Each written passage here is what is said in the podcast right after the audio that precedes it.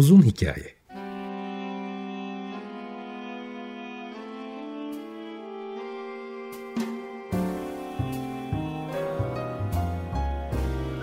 Sinir bilim, psikoloji, felsefe ve müzik.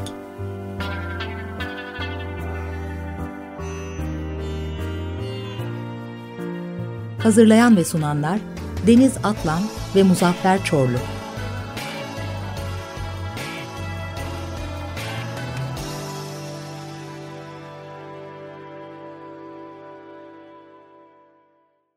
95.0 Açık Radyo'dan, Açık Radyo.com.tr ve onun uzun hikayesinden herkese selamlar. Geçen hafta duyurmuştum e, önümüzdeki programlarda e, ilgili konuklarıyla yapay zeka hakkında e, konuşacağız diye.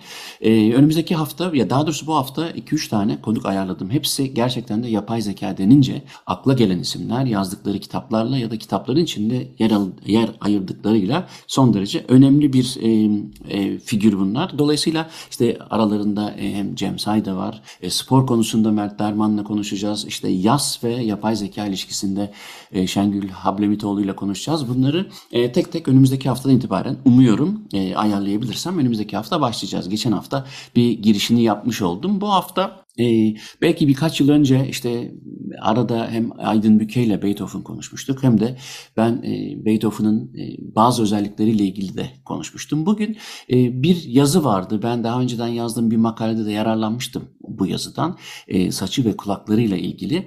Dolayısıyla hem birazcık e, bu e, benim alanım olan nörokognitif nöromüzikolojinin işte insanın karakterini, müziğin nasıl belirleyebileceği ya da müziğin nasıl değiştirebileceği ya da kendisinde oluşan bestecide mesela depresyona e, yaklaşan hallerde onun müzikten nasıl e, etkileneceğini e, biraz Beethoven üzerinden biraz daha açarak bugün anlatmak istiyorum. Hem de aslında Beethoven'ın sağırlaşmaya başladığına ilişkin ilk ipuçlarını da aldığı ve belki de piyano e, sonatları tarihinin en önemli piyano sonatlarından biri olan e, Fa minör e, da dinleriz. Hem de benim e, sevdiğim bir yorumcudan dinleriz. E, Wilhelm Kempf e, 1960 yorumuyla yani yaklaşık neredeyse üzerinden 63 yıl geçmiş kaydın ama ben hala o kaydı severek dinliyorum. Dolayısıyla belki e, zamanda eğer imkan verirse sonatın tamamını da dinleyebiliriz. Şimdi öncelikle hemen e, şunu söylemek lazım. Sağırlığın Beethoven üzerinde yarattığı psikolojik baskıyı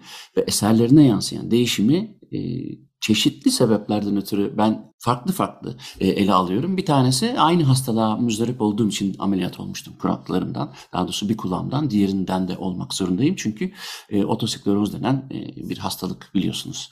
E, kulak içindeki o küçük üç tane kemiğin e, kireçlenmesinden kaynaklı sebeplerle artık e, iletemez hale geliyor ve e, yaklaşık bir e, 10-15 yıl içerisinde giderek azalan işitme kaybıyla sağlaşıyorsunuz. İşte e, ben de o dönemden de geçtiğim için bir sürü e, ortaklık da hissediyorum ama tabii ben bir besteci değilim ve de e, Beethoven'dan çok daha e, sonra yaşamanın e, avantajıyla ameliyat olabiliyorum. O zamanlar öyle bir şey yoktu.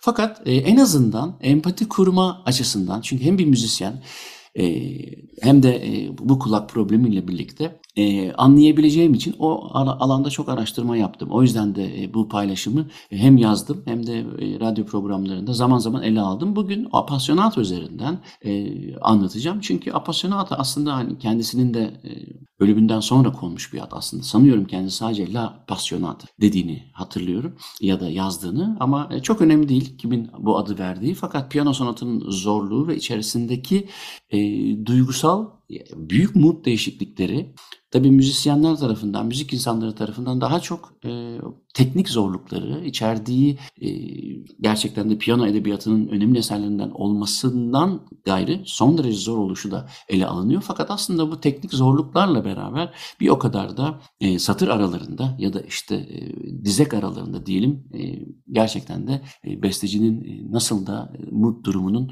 e, savrulduğunu da görmek mümkün. Şimdi şöyle başlayalım. Henüz 27 yaşındaki e, Beethoven sol kulağında baş gösteren bir işitme kaybıyla e, ki o da kademeli olarak arttığı için bu hastalık son derece progresif bir e, hastalık. Hızlı ilerleyen bir hastalık kişiden kişiye değilse de ama kayıpları tabii özellikle tiz frekanslarda başlıyor.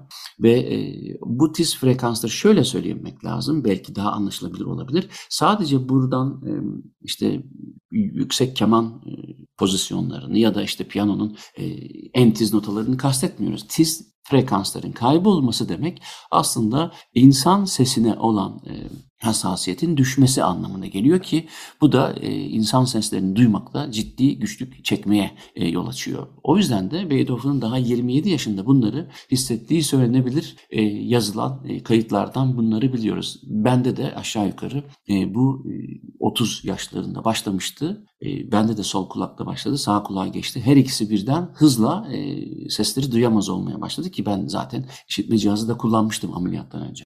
Fakat bu yetmiyormuş gibi bir de tabii e, aslında her ne kadar işitme kaybı olsa da gürültüye dayanmak mümkün olmuyor. Çeşitli frekanslar çok çabuk bu hani beyaz ses denen white noise, beyaz gürültü denen şeyler son derece rahatsız etmeye başlıyor. Çünkü ses iletilmediği için orada sanki fiziksel bir şiddet uygulanıyormuş gibi hissediliyor. Ve tabii bu bazı kişilerde Beethoven'da özellikle e, olduğunu biliyoruz yazdığı mektuplardan e, kafasında dönüp dolaşan uğultular. Sanki e, böyle bir e, anlamsız e, konuş, yüksek sesli konuşma tekrarlarının tekrar tekrar e, beynin içerisinde döndüğü çok söylenir. Bazı kişilerde bu tinnitus'un yol açtığı, e, bazı kişilerde ise e, duyma kaybından ötürü e, işitme merkezinin suni sesler yarattığı gibi bir sürü e, aslında enteresan teoriler var ama kendi ifadesiyle herkesten çok onda kusursuz olması gereken bir duyudan yoksun olduğunu söylemek lazım. Çünkü bu bile aslında e, tinnitus'ta olduğu gibi e, yani kulak çınlaması diyelim. Kulak çınlamaları yani tinnitus çok e, bu hastalıkla seyreden bir şey ama e, bu hastalığa sahip olunmasa da bazı insanlarda yüksektir. Ki intiharlar bile e, kaydedilmiştir e, tinnitus'tan ötürü, kulak çınlamasından ötürü. Çünkü e, tinnitus'un bir de psikolojik tarafı var. Eğer kafanıza takarsanız yani o sesi duymaya e, kafanızı taktığınız zaman o ses büyüyor. Ben kendimden biliyorum. Dolayısıyla da e, bir yandan duyma kaybı, bir yandan çınlama ve bir yandan da müzisyen olmanın verdiği bir e, kızgınlıkla olsa gerek tabii o takıntılar artıyor ve de bu da durumu daha da berbatlaştırıyor. O çok sevdiği işte eğlence ortamlarından Beethoven'ın çünkü biliyoruz özellikle bu yaşlara kadar son derece dışarıda olduğu, sosyal olduğu e, söylenir. Ama e, yavaş yavaş eğlence ortamlarından elini eteğini çektiğini görüyoruz Beethoven'ın. E, bu da yalnızlaştığını, isyankar ve agresif bir ruh haline büründüğünü gösteriyor bize. Tabi o zamanlarda o kadar çok nafile tedavi girişimleri var ki işte artık belki birçoğu bugün hurafe olarak e, bilinebilecek, e, düşünülebilecek bu tedavi e, girişimlerinin çoğu da işe yaramıyor tabii. Ve 27 yaşıyla beraber 28-29'lara gelindiğinde artık iki taraflı başlıyor. Ve bu iki taraflı duyma bozukluğu tam bir sağlık söz konusu olmasa bile aslında Beethoven'ı hem inzivaya çekiyor ve yıllar içerisinde bu inzivaya çekilme haliyle beraber bir depresyonun da eşlik ettiğini biliyoruz. Aslında günümüzde Heiligenstadt e, Heiligenstadter vasiyetnamesi diye bilinen ve e, kardeşlerine hitaben yazdığı mektupta yaşadığı çaresizliği şu cümlelerle anlatıyor Ludwig van Beethoven. Bir ihtiyacın baskısı olmadıkça Çekildiğim kuytu köşeden dışarı çıkmıyorum. Hayatımı bir mahkum gibi yalnızlık içerisinde geçiriyorum. Tesadüfen kalabalık arasına girecek olursam sağlığımın sırlarını açığa vuracağım diye o korkuyla ölüm terleri döküyorum. Bu bile, bu cümleler bile bence Beethoven içinde bulunduğu duyguyu bize anlat tan e, anlatmaya yeten bir e, cümle. Çünkü e, bir defa gerçekten de işitme kaybıyla birlikte, ağır işitme kaybıyla birlikte yalnız olunmadığında yani sosyal olunduğunda bu daha çok insanın yüzüne vuruluyor ve de kendimden de biliyorum kızgınlaşılıyor. Çünkü birkaç kere duyulum, duymadıktan sonra efendim bir daha tekrarlar mısın gibi cümleleri söylemekten vazgeçiyorsunuz. Çünkü hem yorucu oluyor hem de e, bundan ötürü karşınızdaki insanın yavaş yavaş bağırdığını fark ediyorsunuz ve de aslında e, okuyabildiğiniz kadar dudak okuyarak e, mümkünse de daha az sosyalleşerek bu durumla e, baş etmeye çalışıyorsunuz. Beethoven'ın işte bu biraz önce Heiligenstadtler e, vasiyetnamesinde de e, bilindiği kardeşlerine, biraderlerine yazdığı mektuplardan da e, bunu anlamak mümkün. Tabii ayrıca yani e, bu yıllar içerisinde yalnız kalma zaten Beethoven'ın bundan farklı sebeplerle de e, duygu durumunun e, çok inici çıkıcı olduğunu biliyoruz tabii. Bunun yardımcı olmadığını anlamak çok zor değil ama Neticede e, ben ısrarla bestelerine çok ciddi e, etkilerde bulunduğunu daha önceki programlarda anlatmıştım. Seslerin kaybolmasıyla beraber özellikle hayatının son yıllarında mesela kuartetlerinde e, daha fazla bas seslerin yer alması mesela bunlardan birisiydi ama o programlar Spotify'da ve benim YouTube programımda var. Orada ayrıntılı anlattım. Bugün biraz daha dediğim gibi başlangıç yıllarını ve de Aposyanata'yı anlatmak için bunu e, gündeme getirdim tekrar. Aslında hastaların hastalığın detaylı detayına uzun uzadıya girmek e, çok önemli değil çünkü müziği ilgilendirdiği ilgilendirdiği kısmıyla e, dediğim gibi hem duyduğu sesler itibariyle yazdığı besteler, yaptığı besteler değişiyor ama tabii ruh halini e, birinci plana koymak gerekiyor. E, bu hani belki Beethoven'ın mektuplarından ve bir süre e, yazarak iletişim kurabilmesinden dolayı e, o dönemden kalma defter, defterlerden biliyoruz. Mesela 29 Haziran 1801'de doktor arkadaşı Franz Gerhard Wegener'e durumundan ilk kez bahsettiği satırlar var. Şimdi 1801 aslında e, giderek e, hissettiğini düşünürsek eğer bu hastalığı yani aslında 1770 doğumlu olduğuna göre demek ki 31 yaşında artık e, arkadaşlarına bunu yazacak kadar hissediyor. Biraz sonra dinleyeceğimiz Appassionata ise 1804 civarlarında yazılmış bir sonat. Yani 1804-1805 bazı yazarlara göre belki biraz daha 1806'ya kadar uzamış olabilir.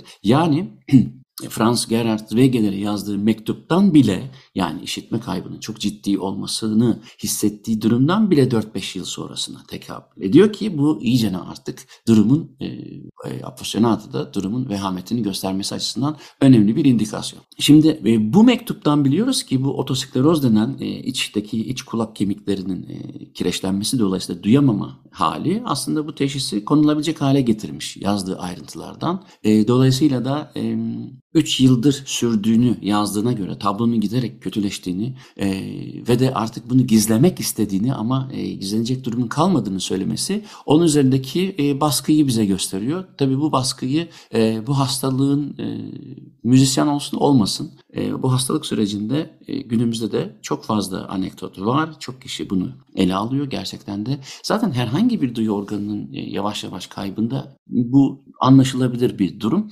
e, Beethoven özelinde dünya tarihine önemli eserler bırakmış birisi olması hasebiyle o eserleri anlamamızda yardımcı olacak bir e, sendrom diye biraz daha önem kazanıyor tabii. Ama bu e, onda öyle bir etki yaratıyor ki aslında sadece sosyal ortamlardan e, elini ayağını çekmekte kalmıyor. Aynı zamanda e, uzak gürültüden de uzak kalmak için kırsala yerleşiyor. İşte şifa niyetine Tuna Nehri'nde yıkanmak, çeşitli bitkisel karışımlar içmek, kulak içine badem yağı damlatmak, çınlamayı durdurmak için kulak kanallarını pamuk tıkaçlarla doldurmak gibi bugün aslında dediğim gibi hurafe ya da tuhaf sayılabilecek bir sürü yöntem e, denemesine rağmen aslında hiçbir şekilde tabii sonuç alamıyor.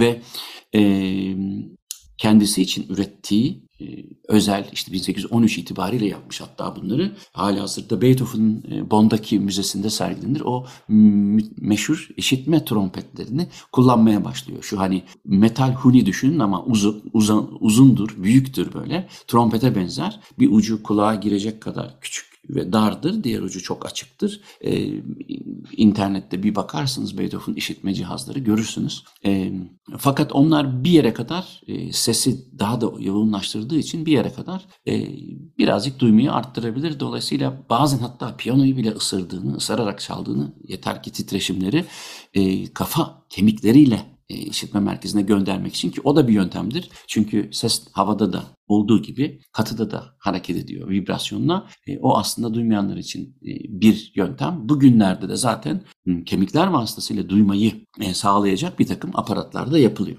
Tabii e, Beethoven'ın kulak kanallarının e, tam olarak nasıl e, olduğunu günümüzde anlamak zor. Çünkü e, zaten aradan geçen 200 yıl boyunca e, herhalde kalmamıştır açılsa bile. Fakat kulak kanallarının e, büyük ihtimalle hasar gördüğü de söylenebilir. Çünkü çok fazla şey soktuğu için kulaklarına e, deforme olma ihtimali çok yüksek ki bu da bir o kadar ne yardımcı olacak bir şeydir bu ne de duymasını arttıracaktır. Fakat artık herhalde o yıllarda o belirsizlik içerisinde elinden geleni yapmış.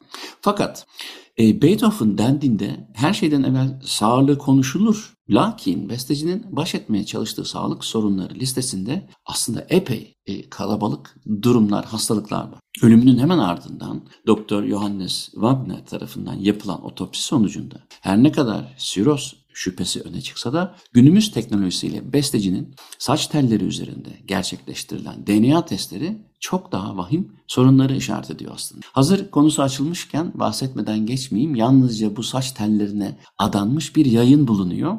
Piyanist hayranı tarafından bestecinin naaşından hatıra amacıyla alınan bir tutam saç yıllarca e, saklanmış ve yıllara meydan okumuş bu saçlar aynı zamanda e, ve akıl almaz bir yolculuğu var. Bu saçlar oradan oraya gitmiş, buradan buraya gitmiş ve 2001 yılında Russell Martin'in Beethoven's Hair, An Extraordinary Historical Odyssey and Scientific Misery Solved adlı bir kitabı var. Yani Beethoven'ın saçları e, böyle işte olağanüstü hikayesiyle ve de e, bilimsel gizemi çözüldü diye bir başlık atmış. Orada eğer ilginizi çekiyorsa e, bu Beethoven'ın e, öldükten hemen sonra alınan bir tutam saçın inanılmaz yolculuğu var. Nereden nereye gitmiş. Fakat en nihayetinde bu saç Sotheby'de e, müze, müzayedede e, satışa yani bu müzayede evinde Sotheby'de satışa çıkarılıyor ve yeni sahipleri bilimsel araştırmalarda kullanılması için bir kısmını bağışlıyor.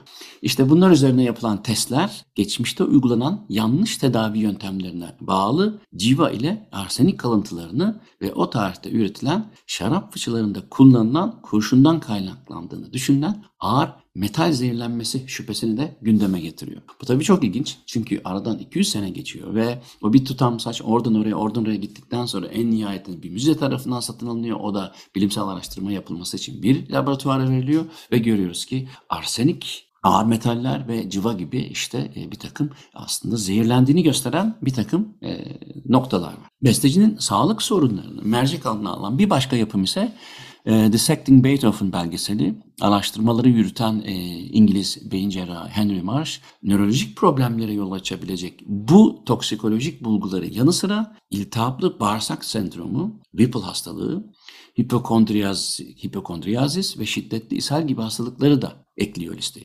Frengiye bağlı sağırlık e, sıklıkla dile gelen iddialar arasında ama neredeyse tüm araştırmacılar hem fikir olduğu gibi en önemli konu 57 yaşında hayatını kaybeden Beethoven'ın duyma kaybına bağlı yaşadığı kronik ve ağır depresyon. Dolayısıyla e, günümüzde yani 200 e, yıl geçmiş olmasına rağmen araştırmaları devam eden durumlar bize bir şeyi söylüyor. Gerçekten bir zehirlenme var. Büyük ihtimalle bir e, alkol e, zehirlenmesinden de söz edilmek mümkün. Her ne kadar Beethoven'ın hastalıklı sayıda kahve çekirdeklerini sayarak yanılmıyorsam 69 tane kahve çekirdeğini kırarak kahve yapıyor. Öyle de bir takıntılı bir kişiden bahsediyoruz. Dolayısıyla bütün bu faktörleri üst üste koyduğumuz zaman enteresan bir profil, psikolojik profil çıkıyor karşımıza.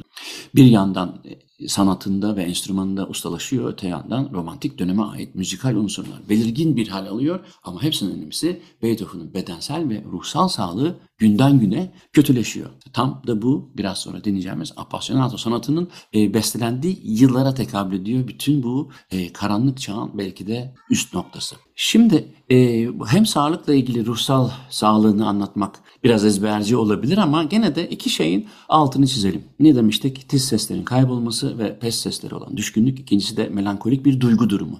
Şimdi Appassionato'da bütün bu renkleri hissetmek e, söz konusu. Ben e, yazdığı eserler içerisinde e, gerek son dönem e, yaylı çalgılarını e, araştırdığımda bunu gördüm. Ama e, bütün Beethoven dinleyebildiğim kadarıyla yani tahmin ediyorum %95'ini dinlemişimdir eserlerinin. Dinleyebildiğim kadarıyla bütün bunların hepsini ben Appassionata da e, topluyorum.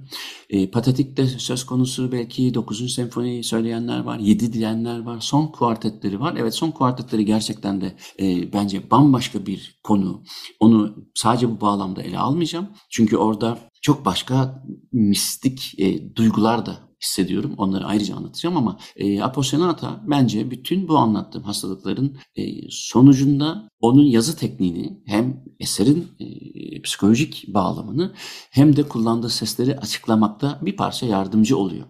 E, söylemiştim yani piyanosuna e, hatta ısırdığını bile söylemiştim. Piyanosuna monte edilen bir tahta çubuğu e, dişlerin arasına alıp sıkıştırıyor. En azından seslerin titreşimini hissetmeye e, çalıştığı için. Dolayısıyla e, şimdi bir an hani kendimizi onun yerine koyalım. Piyano önümüzde. Piyanoya iliştirilmiş bir tahta çubuk var ve ağzımıza e, dişlerimizin arasına alıyoruz o tahta çubuğu ısırıyoruz ve çalarak titreşimlerle nasıl bir şey ses çıktığını anlamaya çalışıyoruz. Bu e, çoğunlukla Beethoven gibi böyle agresif olduğu e, işte agresif agresyon kontrolünü elinden kaçırdığını çok fazlasıyla bildiğimiz mektuplarından ya da işte arkadaşlarından eserlerinde tabii hırçın ve saldırgan ve depresif temaları da e, rastlamak mümkün. Onun e, bazı eserlerde yazarken kağıdı yırttı işte hırsla çünkü sonuçta o müziği duyarak yazdığı için o müziğin verdiği hissi kağıdı yırtmaktan tabii kendini alamıyor. E, hakikaten de e,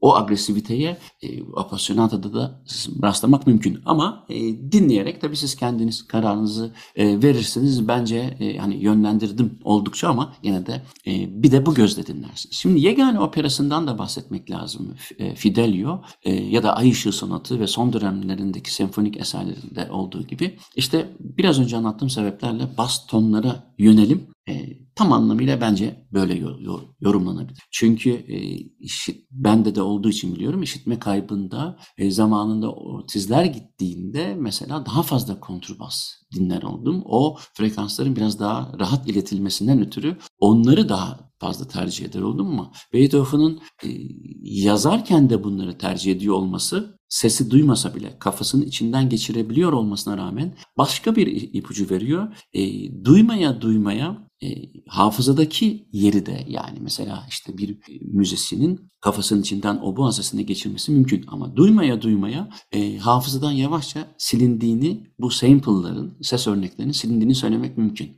E, tabii hem de eserlerinin yapısını kullandığı tüm notaları ve frekans aralıklarını incelesek bunları söyleyebilir miyiz diye de e, düşündük ve de istatistiksel bir çalışma var. Bunu e, hangi sesler kullanılmış, hangi notalar kullanılmış bunları e, istatistik olarak veriye dökmüş bu araştırmalar ve 1810 itibariyle yani aslında duyma kaybının artık son noktalarına geldiği halden bahsediyoruz ki Beethoven de 40 yaşında olduğunu hatırlatalım bu tarihte. Ondan sonra yazdığı Opus 74 ve 95 numaralı yaylı dörtlerde tiz nota sayısında anlamlı oranda bir düşüklük gösteriyor bu istatistikler. Belli ki tiz sesleri duyamadığı için istediği renkleri ancak orta ve düşük frekanslarda yakalayabiliyor. Kafası içinde ve onu da o şekilde yazıyor. Ee, 1825 sonrasında yani tam sağırlık ki bu zaman 55 yaşlarında. Tam sağırlık dönemine denk geliyor. 127 opus 135 arası. Şaşırtıcı şekilde tiz seslerin geri döndüğünü biliyor. Bu ise artık bas notaları da duymadığının, dolayısıyla da yalnızca beynini ve hafızasını kullanarak melodileri kağıda döktüğünün göstergesi olabilir. Şimdi biraz çelişkili konuşmuş gibi olabilirim. Çünkü dedim ki e, duymuyor olmasından ötürü hafızada o renkler gidiyor, o frekanslar gidiyor. Dolayısıyla duyabildiklerinden dolayı, besleyebildiklerinden dolayı basları tercih ediyor olabilir. Fakat tamamen gittiğinde duyma bu sefer tekrar hafızadan onları geri çıkartma yani recall dediğimiz sesleri e, kendi kütüphanesinden arayıp bulmasından ötürü artık bas ve tiz sesler arasındaki fark kalkıyor tamamen çünkü tam bir sağırlık söz konusu. Dolayısıyla tekrar tiz seslere döndüğünü e, belki bu şekilde açıklayabiliriz. Opus 133 mesela büyük füg, gross füg başlıklı si bemol majör eserini tamamen hayal ederek yazdığından ve iç kafa e, sesiyle duyduğundan e, dolayısıyla benim zerre kadar şüphem yok. İsterseniz son bir iki notum daha var ama e, fazla konuştum. Şu Appassionata sonatını e, bir de bu gözlerle gözle dinleyelim, bu duygularla dinleyelim. E, unutmayalım. E, beslediği yıllarda Beethoven yaklaşık 35 yaşında ve sağlığının e, hissetmeye başladı sağlığının 5. yılında ve bu sonattan da yaklaşık 4 yıl sonra tamamen sağır olacak. Dolayısıyla aslında e, hem denial hani hem inkar ettiği yıllar hem bütün bu duygu durumunun alt üst olduğu yıllar işte tedavi için tuhaf anlattığım şeyleri yaptığı yıllar ve de piyano edebiyatının en önemli eserlerinden biri. Ben e, tercihim e, en sevdiğim besteci, e, piyanistlerden e, Kempf olduğu için onu tercih ediyorum. William Kempf'in yorumunu dinleyelim. E, sonata 23 numaralı sonatı Opus 57 Opassionata tamamını çalalım. Sonra bu e, sağlık, psikolojik durum, duygu durum e, ve eserlerine yansımasıyla ilgili son paragraflarımı iletirim. Wilhelm Kempf seslendirdiği Ludwig van Beethoven'ın 23 numaralı piyano sonatı, Appassionata başlıklı Opus 57. E, bu sonattaki belki müzikolojik, psikomüzikolojik faktörlerin onun sağlığı ve duygu durumuyla nasıl ilişkili onu konuşuyoruz. Dolayısıyla da tamamını e, dinletmek istedim. E, çünkü dediğim gibi tam hayatının e, 1770 doğumlu. Dolayısıyla 30 yaşına geldiğinde yani 1800 yılında hissetmeye başlıyor. Etrafında mektuplarla bunu söylüyor. İnzivaya çekiliyor. 1804'te başlıyor bu sonatı yazmaya. Yani artık sağlık belirtileri iyiden iyiye gelmişken kaldı ki bu sonattan 4 yıl sonra da tamamen sağır olacaktı. Onları konuştuk. Şimdi e, hep besteciliği konuşuluyor ama tabii bir de e, piyanist ve orkestra şefi Beethoven var. Onu da atlamamamız lazım. E, premierini Nisan 1814'te yaptığı Arşidük Üçlüsü piyanist olarak seslendirdiği son eser. E, yani aslında tam sağırlaşmanın üzerinden birkaç yıl geçmiş oluyor.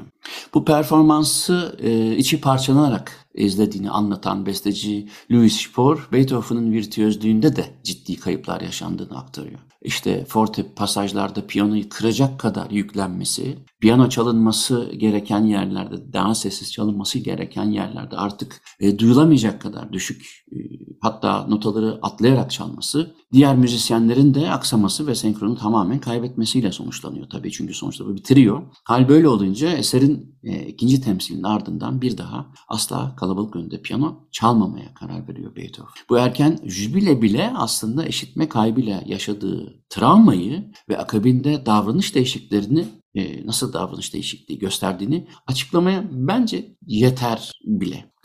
E, Gary Oldman'ın müthiş filmi oyunculuğuyla birlikte Immortal Beloved ya da işte Ölümsüz Sevgi filminde ünlü besteciyi seslendirmişti biliyorsunuz. Gary Oldman e, canlandırmıştı. E, seyretmediyseniz tavsiye ederim. O e, hafızaya kazınan o meşhur bir sahne vardır. 1824'te yaşanır. E, o filmde de geçti. 9. senfoninin premieri orkestrayı e, o zaman Michael Umlauf yönetiyor. Ve kendini tutamayıp, tutamayıp sahneye çıkan Beethoven'ın duyma yetisinin tamamen kaybettiğini tüm salon görüyor. Abartılı jestlerle kendi tahayyülündeki orkestrayı yöneten büyük usta eserin bittiğini ve sesin kesildiğini dahi fark etmiyor. Arkası dönük olduğu için coşkuyla ayağa fırlayan seyircileri, ıslıkların eşlik ettiği alkışları da duymadığı için kontralto o zaman Caroline Ungar'ın besteciyi tutup seyirciye doğru çevirdiğini e, biliyoruz. Ya da en azından bu bir rivayet. Bilmiyoruz da rivayet edilir diyelim. Ya, hakikaten ilginç ve hazin bir sahne. Belki hani e, konuyu bağlamak e, için e, şeyden bahsedebiliriz. 2011 yılında yayınlanan Joseph Strauss imzalı Extraordinary Measures adlı kitaba da değinelim. Hem nörolojik hem psikolojik hastalıkları doğuştan veya sonradan vuku bulan e, bedensel engellerin müziğe yansımalarını inceliyor. E, bu kitap oldukça dikkat çekici bir çalışma. Beethoven, Delius, Schumann gibi bestecilerin, Itzhak Perlman, Evelyn Glennie gibi fiziksel engelli müzisyenlerin ve yine engelli dinleyicilerin müzikle ilişkisini irdeliyor. Burada yazan Strauss. Beethoven'ın sağlık öncesi ve sonrası eserlerini inceleyen eleştirmenlerin ise iki kutba ayrıldığını belirtiyor. Kimileri yetenek kaybının hissedildiğini ve eserlerin kalitesinin değiştiğini söylerken, kimileri ise bestecinin son dönem eserlerini yaratıcılıkta bir zirve olarak nitelendiriyor. Onun duyma becerisini kademeli olarak getirişi ve bunun yarattığı ruh hali müziğindeki belirgin değişiklikleri açıklıyor ve bunları da konuştuk programda. Ama bir de Wagner başta olmak üzere sağırlığı sayesinde diyelim tırnak içinde böyle eserler verebildiğini savunanlar da var doktor tavsiyesiyle e, Viyana kırsalına yerleşmesinden inzivaya çekilip kendine dönmesinden ve artık duyamadığı için de muhtemelen onu etkileyebilecek dış uyaranlara kapalı hale gelip nevi şahsına münhasır kalabilmesinden bahsediyor Wagner. Sağlık sorunları sebebiyle piyano çalamaz, orkestra yönetemez hale gelen Beethoven belki de tam da bu sayede aslında kalıpların dışına çıkmasını, enstrümanların ve zamanının çok ötesinde eserler yaratmayı başarmış da olabilir. Aslında e, bunu e, ilk okuduğumda e, uzun uzun düşündüm. Çünkü ne kadar e, olağanüstü bir besteci olduğu konusunda herkesin birleştiği birisi olsa da Beethoven aslında e, kızgınlığı, e, dağır depresyonu e, bir o kadar da duymuyor oluşundan ötürü e, çok yaratıcı bir beynin yeni yeni şeyler denemeye değer etmesi, e, yola çıkması diyelim e, gerçekleşiyor. Yani o son kuartetlerini dinlerseniz mesela 1820'lerde böyle eserler yazılamaz herhalde dersiniz. Zaten o dönemin büyük eleştirmenleri de herhalde delirdi artık Beethoven böyle saçma sapan şeyler yazıyor diyenler bile çıktı ki bunlar önemli müzik eleştirmenleri fakat aradan 50-60 yıl geçtikten sonra